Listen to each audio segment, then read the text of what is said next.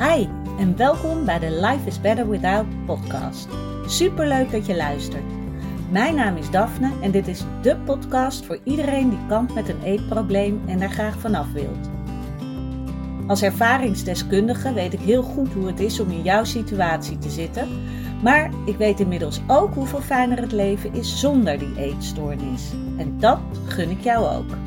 Daarom deel ik in deze podcast al mijn inzichten omtrent het herstellen van een eetprobleem. Ik laat je weten wat er bij mij wel werkte en wat niet. En ik sta open voor al je vragen. Als jij klaar bent voor een leven zonder eetstoornis, dan weet ik 100% zeker dat jij dat kan bereiken.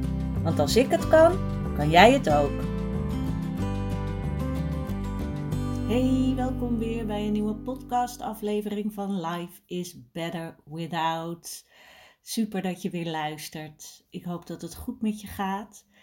Ik zit even een beetje in een low vibe uh, dag. In ieder geval, gisteren had ik echt zo'n dag. Die dag ervoor ook al een beetje.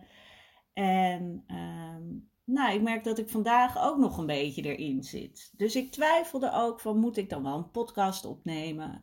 Want wie zit er nou op een podcast te, uh, te wachten? Maar ik dacht ook van, ja, ik ben natuurlijk niet de enige. Uh, jij kent ongetwijfeld ook die momenten dat je denkt, het loopt allemaal niet zoals het uh, moet lopen of zoals ik wil dat het loopt. En die momenten, toen ik nog helemaal midden in mijn eetstoornis zat, waren die momenten er veel vaker. Die waren er vaker dan de momenten dat ik me helemaal uh, lekker voelde. Dus daarom dacht ik, ik ga gewoon wel een podcast opnemen. Om je ook even mee te nemen in wat het verschil is hoe ik er nu mee omga en hoe ik er vroeger mee omging. Want vroeger bleef ik er heel erg in hangen. En ja, was het ook meer een soort alsof je in de slachtofferrol gaat zitten hangen. En eh, ging, ik me, ging ik totaal mezelf de grond in praten, omdat ik me ellendig voelde. Wat natuurlijk eigenlijk heel gek is. Want wat doe jij als een vriendin zich kut voelt? Ga je dan zeggen, ja, nou, uh, lekker dan. Je doet ook geen ene flikker en uh, je moet ook meer je best doen. En nou, je leven is echt niks waard, zeg. Jij doet ook helemaal niks om er uh, wat van te maken. Nee, dat denk ik niet, dat jij dat tegen je vriendin zegt. En toch doe je dat tegen jezelf wel. Ik kon er dan helemaal in blijven hangen. En door daar totaal in te zitten, blijf je ook helemaal afgesloten van dingen die jouw moed weer kunnen veranderen. Dan was het wel zo dat het uiteindelijk misschien weer shifte door uh, iets wat ik meemaakte of dat ik toch iets ging doen, maar het duurde veel langer. En tegenwoordig kan ik echt wel even zitten van, oh, ik wil niet, ik wil me niet zo voelen, ik wil dit niet. Maar ik ga er minder tegen vechten. Dat is ook weer hetzelfde als dat vechten tegen je eetstoornis, is ook vechten tegen je, je moed die je hebt. Dat werkt niet. Dat, dat houdt het in stand. En hoe ik het nu doe, is dat ik bij mezelf denk: oké, het is nu even zo. Het is niet erg. Ga maar even iets doen waar je je nog ietsje beter door voelt. Of ga slapen. Ik heb ook gewoon geslapen overdag. Ik heb, ben even gaan lezen. Ik eh, ben gaan wandelen en ook nog steeds blijven kijken van wat was er vandaag wel leuk. Ik ben ook weer begonnen, want daar kwam de klatter bij mij, komt daar ook zo nu en dan in, om s'avonds op te schrijven de dingen waar ik dankbaar voor ben. En de dingen die leuk waren op een dag. Want dat is wat altijd gaat helpen omdat je dan je focus gaat verleggen. Je gaat gedurende de dag ook eerder opmerken als er leuke dingen gebeuren. Of dingen waar je dankbaar voor bent. In plaats van dat het allemaal langs je heen gaat, omdat jij in je eigen bubbel zit. Want dan is het heel moeilijk om te zien wat er eigenlijk al is. En ik merk, ook al voel ik me nu blah, ik probeer wel wat gaatjes in die bubbel te houden, zodat ik nog wel dat contact heb met, met de buitenwereld, om het zo maar te zeggen. Zodat ik wel de dingen kan opmerken die wel fijn zijn, die wel leuk zijn. Om zo uiteindelijk ook weer uit die bubbel te komen. Want dat, dat is wat je wil. En denk er inderdaad ook heel goed aan. Hoe zou jij tegen een vriendin praten die zich niet fijn voelt? Dan ga je ook liefdevol mee om. Die wil je ook steunen. Doe dat ook bij jezelf, want anders blijf je erin hangen. En dat is niet alleen voor jezelf vervelend, het is ook voor de mensen om je heen niet heel fijn. En nou zeg ik niet dat je uh, moet gaan faken dat het allemaal super leuk gaat en dat, dat je je helemaal happy peppy voelt voor de mensen om je heen. Dat zeg ik niet. Maar het is wel goed om te weten dat zodra jij je goed voelt, het ook fijn is voor de mensen om jou heen. En dat het dus oké is om lief te zijn voor jezelf, zodat jij je weer beter gaat voelen. Want het is dus voor jou fijn en voor de mensen om je heen. En ga je weer makkelijker in de flow komen, dat je je beter gaat voelen. Dat er meer dingen weer op je pad komen, dat je denkt: yes, dit is tof. En dat is echt een verschil met hoe ik er vroeger mee omging. Door er helemaal in te hangen en helemaal mezelf naar beneden te praten en te denken dat het leven ook verschrikkelijk is. En bij mij lukt ook helemaal niks en ik ben een niet, niks nut en ik ben toch lui en ik kan helemaal niks en bij mij lukt niks en waarom bij anderen wel. Als je daarin blijft hangen, nou ja, je, je, je voelt het waarschijnlijk al als ik dat soort dingen zeg. Daar word je niet blij van. Terwijl als je tegen jezelf zegt: Het is oké. Je mag je even zo voelen. Laat het maar even zo zijn. En tegelijkertijd blijf je ook gefocust op de dingen die gebeuren om je heen, die wel nog steeds fijn zijn. Want die dingen blijven er nog steeds, ook al voel jij je ellendig.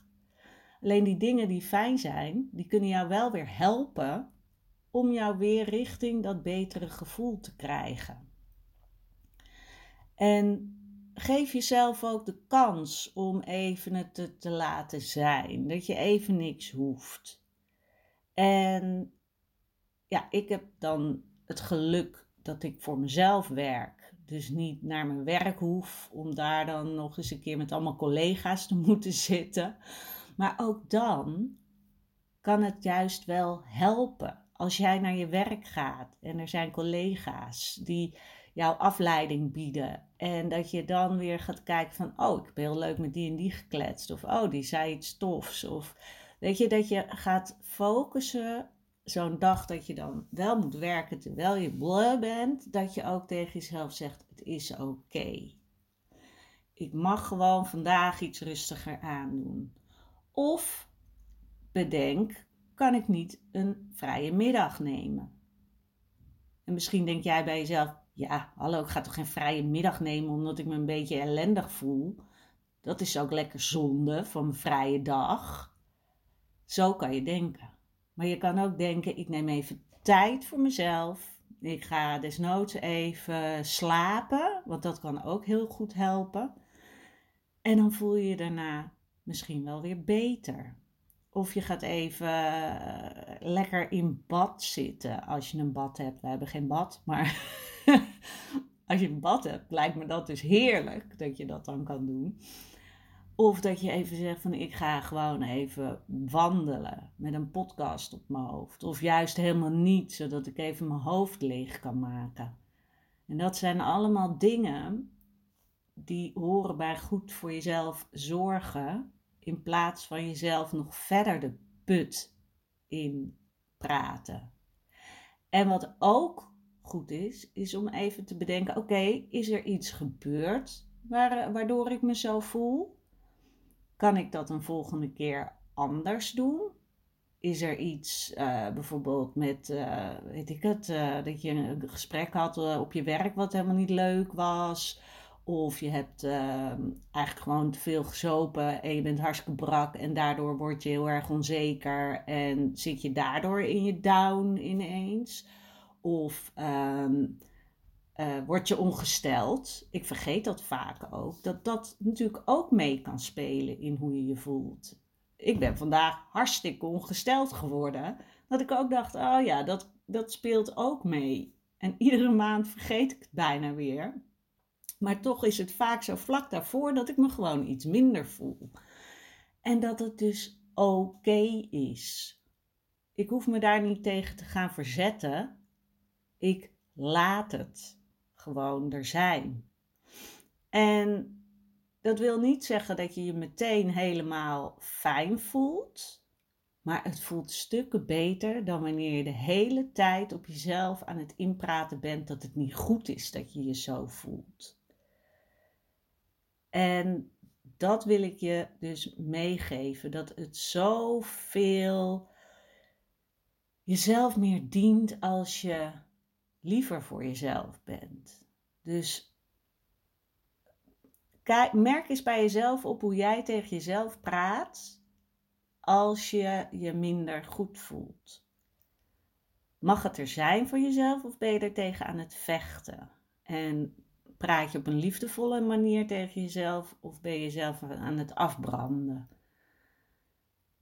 Het helpt echt heel veel als je jezelf gewoon neemt, het moment neemt zoals het is, ook al is dat niet altijd fijn.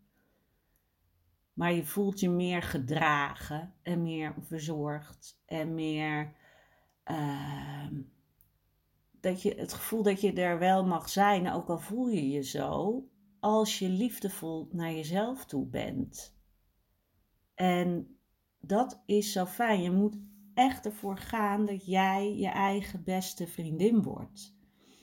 Hoe cheesy dat misschien ook klinkt, maar het is wel een fijn gevoel. Jij bent er altijd voor jou. Altijd geweest en nou, totdat je hier op deze wereld bent in dit lichaam, ben je er voor jezelf. En mag je dus jezelf ja, liefdevol meenemen door dit leven. Want daar gaat het om. Nou, ik hoop dat, nou ja, dat hij een beetje binnenkomt, dat je er wat aan hebt, dat je niet totaal depressief bent geworden door deze iets minder uplifting podcast. Volgende week gaat het waarschijnlijk weer allemaal veel beter. Ik wens je een hele fijne dag. Ik heb straks nog eventjes uh, ben ik gevraagd om wat toelichting te geven bij een intervisiegroep voor uh, een aantal coaches die zelf geen ervaringsdeskundigen zijn voor eetstoornissen en die daar graag meer van willen weten. Dus dat is heel mooi dat uh, andere coaches daarvoor openstaan om meer daarover te weten. En ik merk ook als ik de vragen lees dat ja, dat, dat er ook weinig bekend is erover. En ook dat het heel duidelijk is als je zelf niet in die situatie hebt gezeten, dat het toch echt heel moeilijk is om je in te leven daarin en het te begrijpen. En daarmee wil ik maar weer zeggen hoe fijn het is als je inderdaad een coach of therapeut hebt die het zelf heeft meegemaakt, die weet wat jij doormaakt. En nou, ik ben blij dat zij mij hebben gevraagd hiervoor, zodat ik ook wat toelichting kan geven en wat aanwijzingen en wat meer insight, als het ware, van hoe het is om een eetstoornis te hebben. Want dat is heel belangrijk. Helemaal als, als mensen met een eetstoornis bij iemand komen, bij een coach of therapeut die het zelf niet heeft meegemaakt. Je moet je wel begrepen voelen. En dat, dat is denk ik het belangrijkste. Oké, dus dat is uh, nou, voor mij eigenlijk het belangrijkste vandaag. En uh, verder uh, is het natuurlijk bijna weekend. Dus ik wens je nu alvast een heel fijn weekend. Wees lief voor jezelf. En ik spreek je bij de volgende podcast.